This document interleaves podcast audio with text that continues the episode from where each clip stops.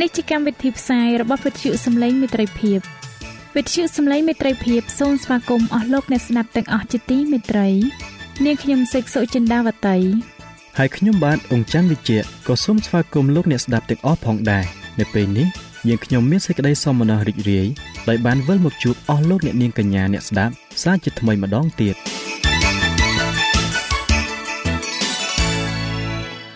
នាងខ្ញុំសេកសុចិន្តាវតី សូមជម្រាបជូនកម្មវិធីផ្សាយ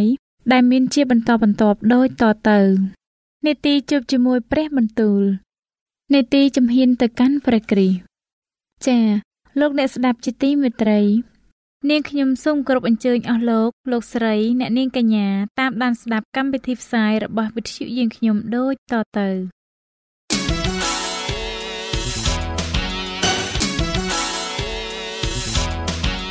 នេតិ ជួបជាមួយព្រះបន្ទូល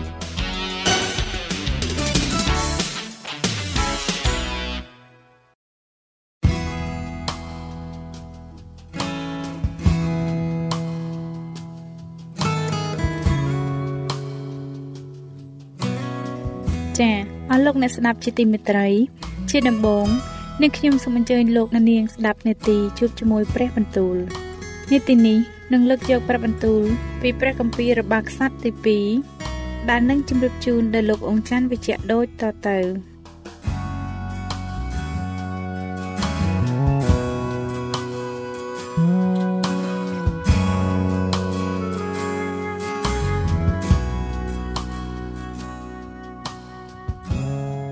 ព្រះគម្ពីររបស់ខ្សត្រទី2ចំពុកទី1រីឯសាឡូមោនជាព្រះរាជបុត្រាដាវីត ទ្រង់មានអំណាចក្នុងរាជទ្រង់កាន់តែមួមួនឡើងហើយព្រះយេហូវ៉ាជាព្រះនៃទ្រង់ក៏បានគង់នៅជាមួយព្រមទាំងលើកដំកើងទ្រង់ឡើងយ៉ាងក្រៃលែងសាឡូមោនក៏មានបន្ទូលនឹងបណ្ដាពួកអ៊ីស្រាអែលពួកមេទ័ពធំតូច ពួកចៅក្រម និងពួកចៅវាយនៃសាសអ៊ីស្រាអែលទាំងប៉ុន្មាន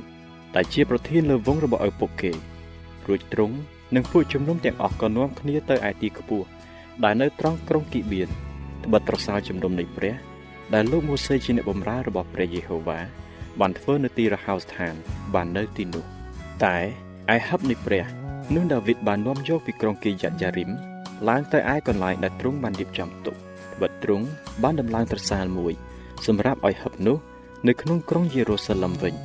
រីឯអាសនាលង្ហិន ដែលបេតសាលៀលកូនយូរី ដែលជាកូនហើបានធ្វើ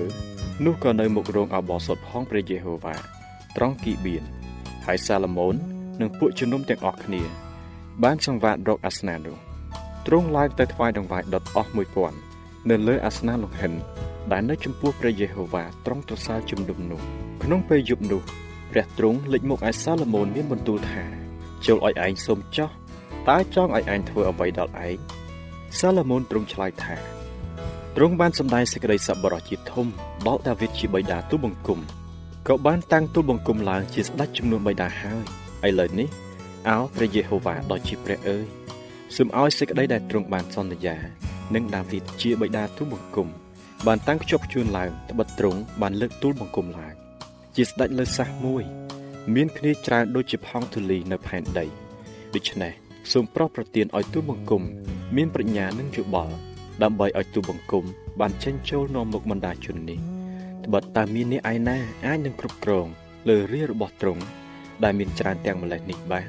ព្រះទ្រង់មានបន្ទូលតបថាដោយព្រោះឯងបានប្រាថ្នាដូច្នេះនៅក្នុងចិត្តហើយមិនបានសូមឲ្យបានទ្រព្យសម្បត្តិឬធនធានឬកិត្តិយសឬការប្រហារជីវិតនៃពួកអ្នកដែលស្អប់ឯងក៏មិនបានសូមឲ្យអាយុយឺនយូរឡើយគឺបានសូមឲ្យមានប្រាជ្ញានិងយោបល់វិញ ដើម្បីនឹងគ្រប់គ្រងលើរាជអញដែលអញបានតាំងឯងឲ្យធ្វើជាស្ដេចលើគេ ដូច្នេះអញឲ្យឯងមានប្រាជ្ញានិងយោបល់ហើយ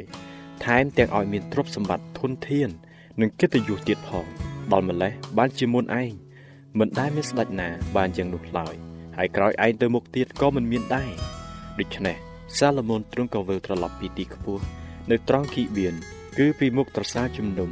មកឯក្រុងយេរូសាឡឹមវិញហើយទ្រង់បានសោយរាជលើសាសអ៊ីស្រាអែលសាឡូមោនទ្រង់ប្រមូលបានរទេះចម្បាំងនិងពលសេះ មានរទេះ1400និងពលសេះ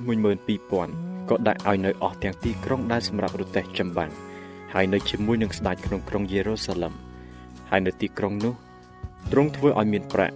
និងមាសសម្បូរដូចជាថ្មហើយឲ្យមានដើមតាត្រៅសម្បូរដូចជាដើមឧត្តមពរដែលដុះនៅដីទំនាបដែរឯសេះទាំងប៉ុន្មានរបស់សាឡូមោននៅសុទ្ធតែមកពីស្រុកអេស៊ីបពួកជំនួញរបស់ស្ដេចគេទៅទិញ និងនាំមកទាំងហ្វូងទាំងហ្វូងតាមតម្លៃ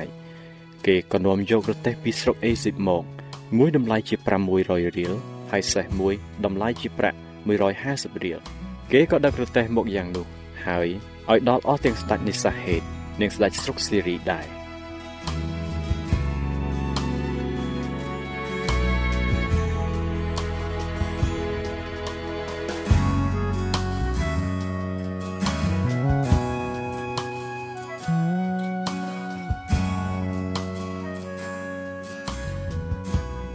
ព្រះគម្ពីររបស់ក្សត្រទី2ជំពូកទី2ឯសាឡូមោនទ្រង់ក៏បង្គាប់ឲ្យស្អាងព្រះវិហារសម្រាប់ព្រះនាមព្រះយេហូវ៉ា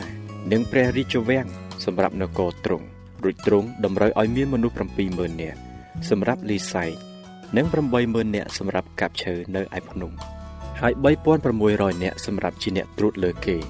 ទ្រង់ក៏ចាត់សារទៅឯហ៊ីរ៉ាមជាស្ដេចក្រុងទេរ៉ូថាពីដើមទ្រង់បានផ្ញើឈើតាត្រៅមកថ្វាយដាវីត ជាបិតាទូបង្គំសម្រាប់ធ្វើជាតំណាក់ឲ្យទ្រង់គង់ឥឡូវនេះក៏សូមទ្រង់ប្រោះមេត្តាដល់ទូបង្គំដូច្នោះដែរមើលទូបង្គំរៀបនឹងស្អាងព្រះវិហារសម្រាប់ព្រះនាមព្រះយេហូវ៉ាជាព្រះនៃទូបង្គំដើម្បីថ្វាយដល់ទ្រង់ទុកជាទីដុតគ្រឿងមានក្លិនក្រអូបទុកជាទីដុតគ្រឿងមានក្លិនក្រអូបនៅចំពោះទ្រង់និងជាទីតម្កល់នំប៉័ងតាំងទុកជានិច្ចព្រមទាំងថ្វាយដង្វាយដុតទាំងពេលព្រឹកនិងពេលល្ងាច ហើយនៅថ្ងៃឈប់សម្រាកថ្ងៃចូលខែនិងនៅអស់ទាំងបុណ្យមានកំណត់នៃព្រះយេហូវ៉ាជាព្រះនៃយើងខ្ញុំរាល់គ្នាដូចជាបានបង្គាប់មកសាសអ៊ីស្រាអែលឲ្យធ្វើជាតារាតទៅឯព្រះវិហារដែលទូបង្គំគិតស្អាងនោះធំណាស់បិទព្រះនៃយើងខ្ញុំរាល់គ្នាទ្រង់ធំប្រសើរលើសជាងអស់ទាំងព្រះប៉ុន្តែតើមានអ្នកឯណាដែលអាចនឹងស្អាងព្រះវិហារថ្វាយទ្រង់បានបិទផ្ទៃមេឃ និងអស់ទាំងជាន់នៃផ្ទៃមេឃមិនលមមឲ្យទ្រង់គង់ចុះទៅហើយដូច្នេះតើទូលបង្គំជាអ្វីដែលអាចនឹងស្អាងព្រះវិហារថ្វាយទ្រង់បាន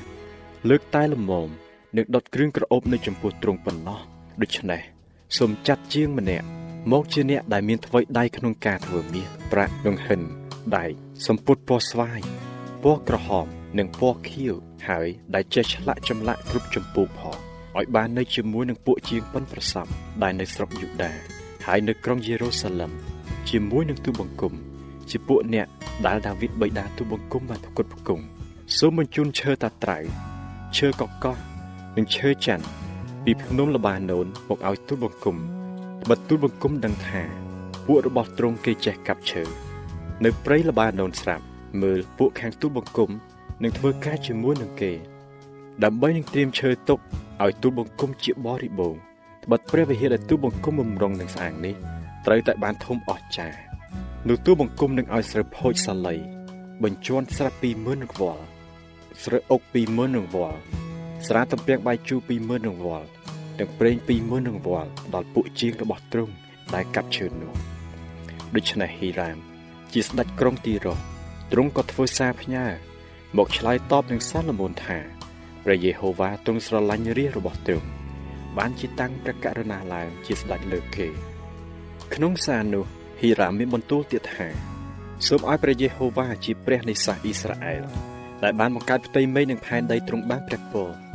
គឺជាព្រះដែលបានប្រទានឲ្យស្ដេចដាវីតមានព្រះរាជបុត្រាប្រកបដោយប្រាជ្ញា តម្រេះនិងយោបល់អាចនឹងស្អាងព្រះវិហារថ្វាយព្រះយេហូវ៉ានិងព្រះរាជវាំងសម្រាប់នគរទ្រង់ ឥឡូវទូបង្គំបានឲ្យជាងជំនាញការម្នាក់ឈ្មោះហ៊ីរ៉ាម ជាជាងរបស់បិតាទូបង្គំជាអ្នកប្រកបដោយយោបល់មកគឺជាកូនរបស់ស្រីស្រុកដានម្នាក់ដែលឪពុកជាអ្នកក្រុងទីរ៉ូអ្នកនេះជាអ្នកជំនាញក្នុងការធ្វើមាសប្រាក់លង្ហិន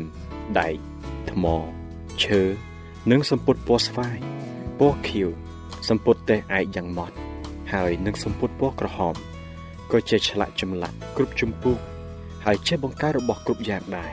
ដើម្បីឲ្យបានធ្វើការជាមួយនឹងពួកជាងយ៉ាងជំនាញរបស់ទ្រង់ហើយនឹងពួកជាងយ៉ាងជំនាញរបស់ដាវីតជាព្រះបិតាទ្រង់ដែលជាព្រះអង្គម្ចាស់នៃទូបង្គំផងរីឯស្រូវផូចសាលីស្រូវអោបប្រេងនិងស្រាទំពាំងបាយជូរ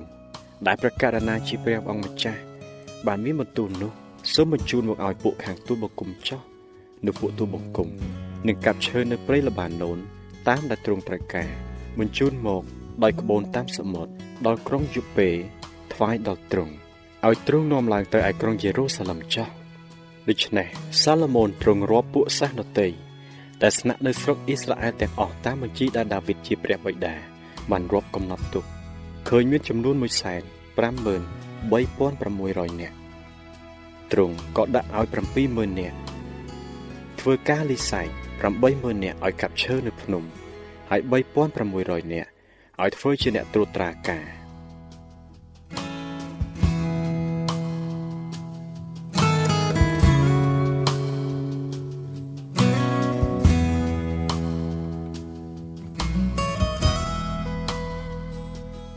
ព្រះគម្ពីររបស់ខ្សត្រទី2ចំពុកទី3រួចមកសាឡូមោនត្រូវបានចាប់តាំងស្អាងព្រះវិហារនៃព្រះយេហូវ៉ា នៅលើភ្នំម៉ូរីយ៉ាក្នុងក្រុងយេរូសាឡឹមត្រង់កន្លែងដែលព្រះយេហូវ៉ាបានលេចមកឯដាវីតព្រះបិតាទ្រង់ជាកន្លែងដាវីតបានតម្រូវទុកនៅទីលានស្រូវរបស់អារ៉ៅណាជាសាសយេប៊ូសទ្រង់ចាត់តាំងស្អាង នៅថ្ងៃទី2ខែពិសាខក្នុងឆ្នាំទី4នៃរាជទ្រង់រីឯជើងជញ្ជាំងដែលសាឡូមោនបានដាំសម្រាប់នឹងស្អាងព្រះវិហារនៃព្រះនោះមានបណ្ដោយ60ហត្ថនិងទទឹង20ហត្ថតាមហត្ថពីបុរាណ ឯបាំងសាយដែលនៅពីមុខនោះបណ្ដោយ20ហត្ថឲ្យត្រូវនឹងទទឹងព្រះវិហារហើយកម្ពស់120ហត្ថ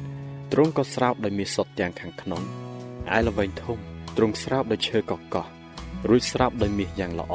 ព្រមទាំងដាប់ជាក្បាច់ដើមលម៉ាល់និងច្រវាក់ទ្រង់តាក់តែងល្វែងនោះឲ្យមានលំអដោយត្បូងមានតម្លៃឯមាសនោះ បានមកពីស្រុកហាវ៉ែទ្រង់ស្រោបព្រះវិហារព្រមទាំងធ្នឹមនិងក្របទ្វារ ហើយជញ្ជាំងនិងផ្ទាំងទ្វារទាំងប៉ុន្មានដោយមាសហើយឆ្លាក់រូបជេរូប៊ីននៅជញ្ជាំងទ្រង់ធ្វើល្វែងទីបរិសុទ្ធបំផុតបណ្ដោយ20ហត្ថត្រូវនឹងទទឹងព្រះវិហារដែលមាន20ហត្ថដែររួចស្រោបដោយមាសយ៉ាងល្អមានទម្ងន់600ហាបហើយដាច់គោលគឺជាមាសមានទម្ងន់50តម្លឹងឯបន្ទប់ខាងលើក៏ស្រោបដោយមាសដែរនៅក្នុងល្វែងទីបរិសុទ្ធបំផុតទ្រង់ធ្វើរូបជេរូប៊ីន2ជារូបឆ្លាក់ហើយក៏ស្រោបដោយមាស ស្លាបជេរូប៊ីនទាំងពីរនោះ បានប្រដាងទៅ20ហត្ថឯស្លាម្ខាងរបស់ជេរូប៊ីនមួយ មានប្រវែង5ហត្ថត្រដាងទៅទល់នឹងជញ្ជាំងល្វែងហើយស្លាបមួយទៀតប្រវែង5ហត្ថត្រដាងទៅទល់នឹងស្លាបជេរូប៊ីនម្ខាងឯស្លាបជេរូប៊ីនម្ខាងនោះក៏ប្រវែង5ហត្ថត្រដាងទៅទល់នឹងជញ្ជាំងម្ខាងល្វែងនោះហើយស្លាបមួយទៀតក៏ប្រវែង5ហត្ថត្រដាងទៅទល់នឹងស្លាបជេរូប៊ីនម្ខាងដូច្នេះស្លាបជេរូប៊ីនទាំងពីរបានត្រដាងទៅ អស់ប្រវែង20ហត្ថជេរូប៊ីនទាំងពីរក៏ឈរវាយមុខប្រទល់គ្នាឯវាំងននដែលទ្រង់ធ្វើដោយសម្ពុតទេសឯកយ៉ាងម៉ត់មានពណ៌ខៀវពណ៌ស្វាយនិងពណ៌ក្រហម ហើយក៏បាក់ជារូបជេរូប៊ីនដែរនៅខាងមុខព្រះវិហារទ្រង់ធ្វើសសរពីរកម្ពស់35ហត្ថហើយក្បាច់ក្បាលដែលនៅលើកំពូលសសរទាំងពីរនោះមានកម្ពស់5ហត្ថទៀតក៏ធ្វើក្បាច់ច្រវាក់ដោយច្រវាក់នៅក្នុងទីបរិសុទ្ធបំផុតដាក់ភ្ជាប់នៅក្បាលសសររួចក៏ធ្វើរូបផ្លែទទឹម100 ដាក់ភ្ជាប់នឹងច្រវាក់ហើយហើយលើកបញ្ឈរសសរទាំងពីរដាក់នៅមុខព្រះវិហារមួយខាងស្ដាំមួយខាងឆ្វេងទ្រង់ឲ្យឈ្មោះសសរខាងស្ដាំថាយ៉ាគិនឯសសរខាងឆ្វេងថាបូអូ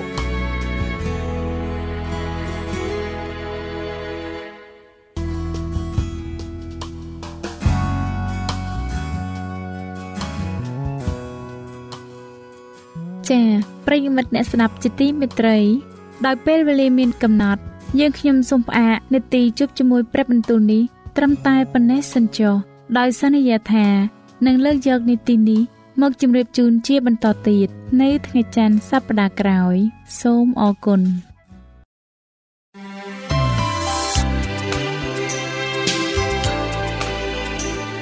វិទ្យុសំឡេងមេត្រីភាព AWR នាំមកជូនលោកអ្នកនៅសារនៃសេចក្តីសង្ឃឹមសម្រាប់ជីវិត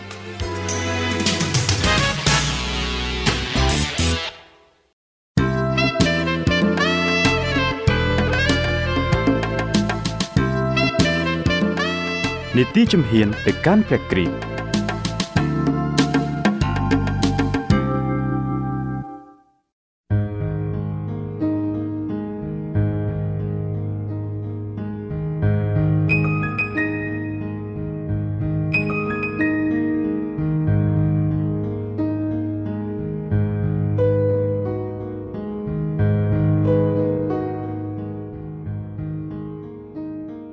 នាងខ្ញុំសេកសុចនាបតីសូមជម្រាបសួរអស់លោកលោកស្រីអ្នកនាងកញ្ញានិងប្រិយមិត្តអ្នកស្ដាប់ជាទីមេត្រី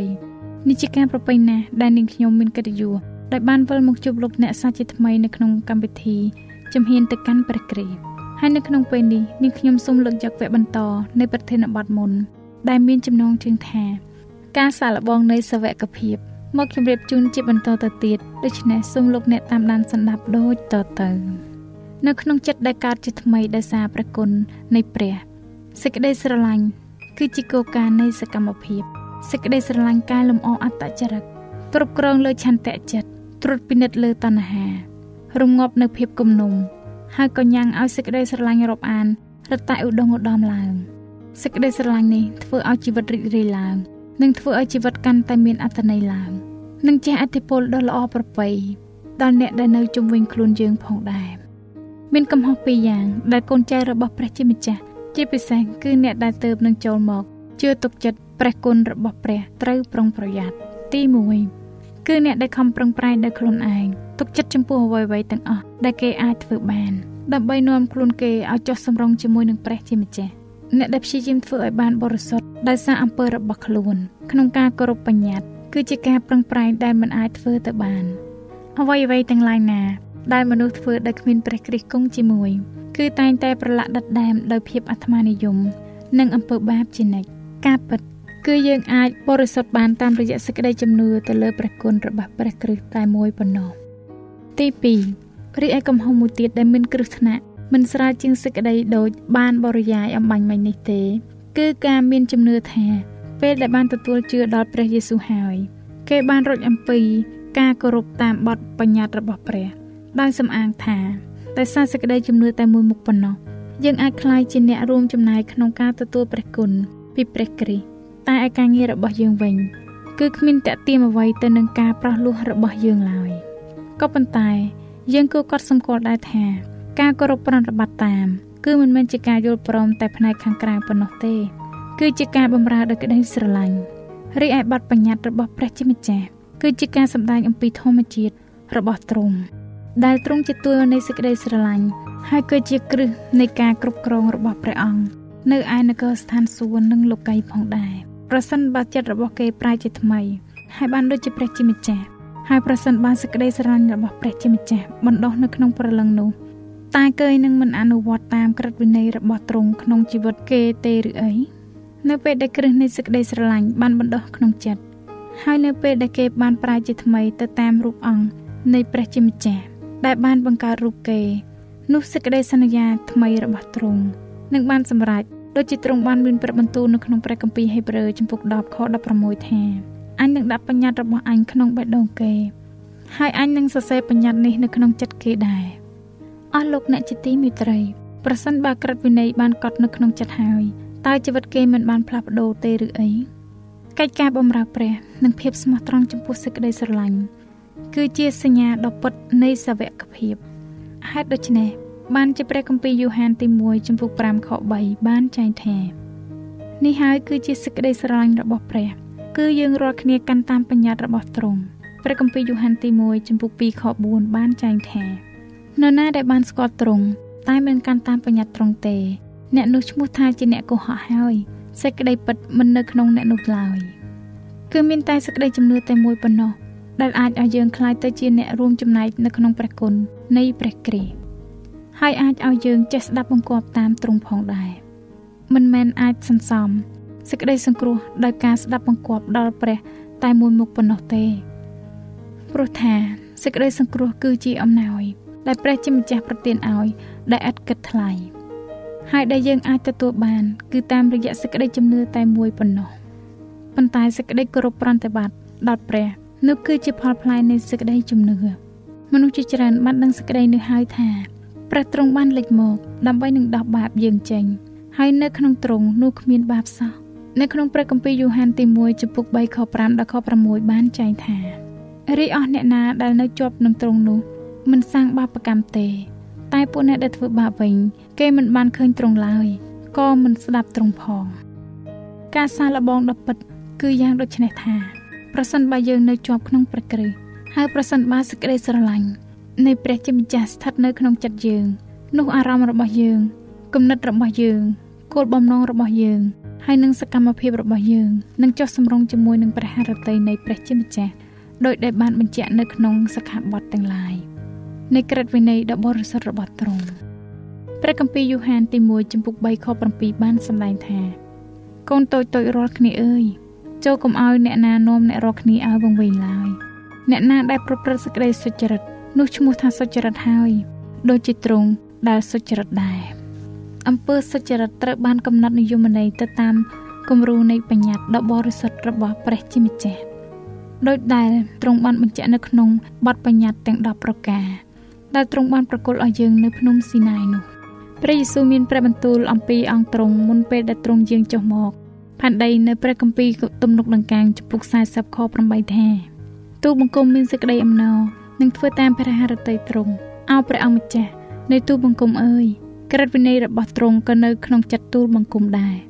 ហើយមុនពេលដែលទ្រង់យាងត្រឡប់ទៅកាន់ស្ថានសួគ៌វិញទ្រង់បានប្រកាសនៅក្នុងគម្ពីរយូហានចំពុក15ខ10ថាខ្ញុំបានកាន់តាមបញ្ញត្តិនៃព្រះវរបិតាខ្ញុំហើយក៏នៅជាប់ក្នុងសេចក្តីស្រឡាញ់របស់ទ្រង់ដែរ ព្រះគម្ពីរយូហានទី1ចំពុក2ខ3ដល់ខ6បានចែងថា យើងរាល់គ្នាដឹងថា យើងស្គាល់ទ្រង់ដោយសារសេចក្តីនេះគឺយើងកាន់តាមបញ្ញត្តិរបស់ទ្រង់អ្នកណាដែលថាខ្លួននៅក្នុងទ្រង់នោះត្រូវតែប្រព្រឹត្តដូចជាទ្រង់ដែរព្រះគម្ពីរយូហានទី1ចំពុក2ខ3ដល់ខ6បានចែងថា យើងរាល់គ្នាដឹងថាយើងស្គាល់ទ្រង់ដោយសារសេចក្តីនេះគឺយើងកាន់តាមបញ្ញត្តិរបស់ទ្រង់នរណាដែលខ្លួននៅក្នុងទ្រង់នោះត្រូវតែប្រព្រឹត្តដូចជាទ្រង់ដែរ រីឯនៅក្នុងព្រះគម្ពីរពេត្រុសទី1ចំពុក2ខ21បានសម្ដែងថាពីព្រោះព្រះគ្រីស្ទបានរងទុកជំនួសពួកយើងដែរតាំងទុកសម្រាប់យើងរាល់គ្នាដើរតាមលំអានរបស់ទ្រង់ផងអស់លោកអ្នកជាទីមេត្រីលក្ខខណ្ឌចំពោះជីវិតអមតៈគឺនៅតែដដែលក៏ដូចជាលក្ខខណ្ឌនៅស្ថានសួគ៌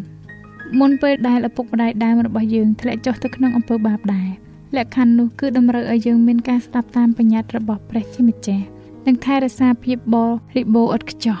ប្រសិនបើលក្ខខណ្ឌចំពោះជីវិតអមតៈខ្លះមិនដល់លក្ខខណ្ឌដូចខាងលើនោះទេនោះសុភមង្គលនៃលោកីយទាំងមូលនឹងបានដល់នៅក្តីមហន្តរាយនោះទ្វារនឹងបើកចំហឲ្យអំពើបាបដែលពោពេញទៅដោយការស្អប់ខ្ពើម និងលំបាកវេទនាក៏មាននៅអកលជានិច្ចដែរមុនពេលដែលធ្លាក់ចុះក្នុងអំពើបាបលោកអាដាមដែលជាឪពុកដើមរបស់យើង អាចកែប្រែអត្តចរិតឲ្យបរិសុទ្ធ ដោយគោរពតាមបទបញ្ញត្តិរបស់ព្រះជាម្ចាស់បានដែរប៉ុន្តែគាត់ពុំបានធ្វើដូច្នេះទេដោយសារតែអំពើបាបរបស់គាត់នោះទៅធម្មជាតិរបស់យើងក៏ធ្លាក់ក្នុងអំពើបាបហើយមិនអាចឲ្យខ្លួនយើងបរិសុទ្ធបានឡើយព្រោះតែយើងមានបាបមិនបរិសុទ្ធបានជាយើងមិនអាចគោរពបទបញ្ញត្តិដ៏បរិសុទ្ធនោះឲ្យបានពេញលេញទៅបាននោះឯងយើងគ្មានភាពសុចរិតឯណាជារបស់យើងដែលអាចឲ្យស្មើនឹងតម្រូវតាម ក្រឹតវិន័យរបស់ព្រះឡើយក៏ប៉ុន្តែព្រះគ្រីស្ទបានបង្កើតផ្លូវមួយសម្រាប់យើងកិច្ចចេញបាន គឺទ្រង់បានជាងមកទ្រង់បានរស់នៅលើផែនដី ដែលទទួលសេចក្តីលបងលបងផងនានាដោយដែលយើងរាល់គ្នាបានជួបប្រទះនៅក្នុងជីវិតនេះដែរទ្រង់បានរស់នៅក្នុងជីវិតមួយ ដែលគ្មានបាបទាល់តែសោះទ្រង់បានសុគតដើម្បីរូបយើង ហើយទ្រង់យល់ព្រមទទួលយក នៅអំពើបាបរបស់យើង ព្រមទាំងប្រគល់ឲ្យយើងនៅភាពបរិសុទ្ធរបស់ទ្រង់វិញថែមទៀតផងប្រសិនបើលោកអ្នកប្រគល់រូបអ្នកដល់ទ្រង់ហើយទទួលទ្រង់ជាព្រះអង្គសង្គ្រោះរបស់អ្នកនោះទោះបីជាអំពើបាបរបស់អ្នកប៉ុណ្ណាក៏ដោយអ្នកនឹងបានរាប់ជាបរិសុទ្ធដោយសារតែព្រះគុណទ្រង់បើនោះជាការដែលលោកអ្នកសម្រេចចិត្តមែននោះអត្តចរិតរបស់ព្រះគ្រីស្ទដែលជំនួសអត្តចរិតរបស់អ្នកហើយអ្នកនឹងត្រូវបានទទួលស្គាល់ចំពោះព្រះភ័ក្ត្ររបស់ទ្រង់ ដូចជាអ្នកគ្មានបានធ្វើបាបសោះ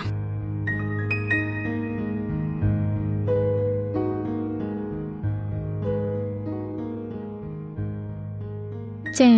ដោយពេលវេលាមានកំណត់ យើងខ្ញុំសូមផ្អាកនេតិជំហានទៅកាន់ព្រះគ្រីស្ទនេះត្រឹមតែប៉ុណ្ណេះសិនចុះដោយសន្យាថានឹងលើកយកនេតិនេះមកជម្រាបជូនជាបន្តទៀតនៅថ្ងៃស្អែកសូមអរគុណ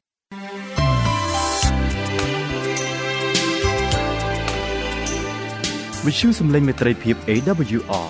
មានផ្សាយពីរដងក្នុងមួយថ្ងៃគឺព្រឹកនៅម៉ោង6និងពេលយប់នៅម៉ោង8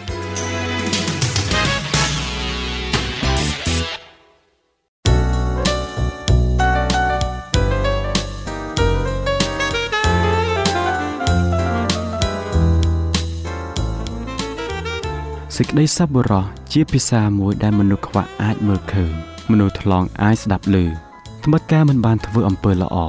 ក្នុងពេលដែលអ្នកមានឱកាសនោះរាប់ថាអ្នកបានធ្វើអំពើអាក្រក់ហើយព្រះបានមានបន្ទូលថា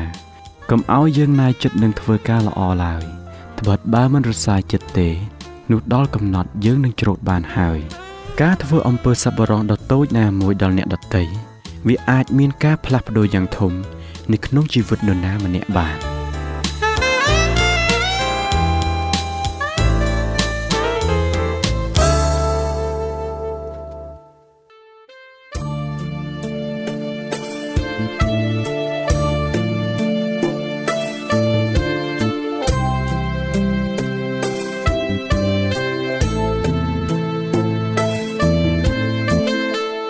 បើសិនជាលោកអ្នកមានសំណួរឬសំណុំពរអ្វីសូមតាក់ទងមកការិយាល័យវិទ្យុយើងខ្ញុំ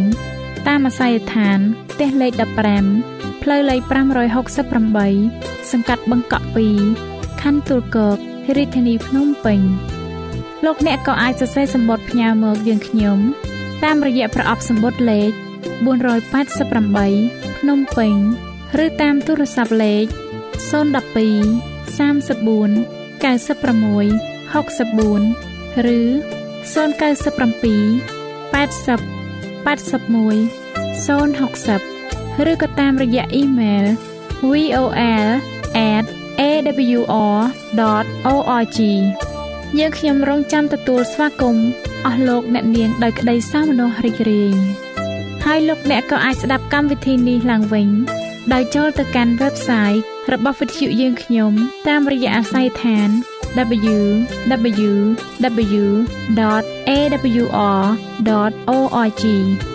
លោកអ្នកនាងកញ្ញាជាទីមេត្រី កម្មវិធីផ្សាយរបស់វិទ្យុសំឡេងមេត្រីភាពនៅពេលនេះសូមបញ្ចប់តែប៉ុណ្ណេះយើងខ្ញុំសូមអរគុណចំពោះការតាមដានស្ដាប់របស់អស់លោកអ្នកតាំងពីដើមរហូតដល់ចប់យើងខ្ញុំសូមជូនពរឲ្យអស់លោកអ្នកនាងកញ្ញាទាំងអស់ បានចម្រើនឡើងក្នុងព្រះគុណព្រះអង្គម្ចាស់ហើយក្នុងការទទួលយកព្រះយេស៊ូវគ្រីស្ទជាព្រះអង្គម្ចាស់និងជាព្រះអង្គសង្គ្រោះនៃយើងរាល់គ្នានាទីផ្សាយរបស់វិទ្យុយើងខ្ញុំនឹងវិលមកជួបអស់លោកអ្នកសាជាថ្មីម្ដងទៀតនៅថ្ងៃស្អែកវេលាម៉ោងដដែលនាងខ្ញុំសេកសុចិន្តាវតីនិងខ្ញុំបាទអ៊ំច័ន្ទវិជ្ជៈសូមអរគុណសូមជម្រាបលា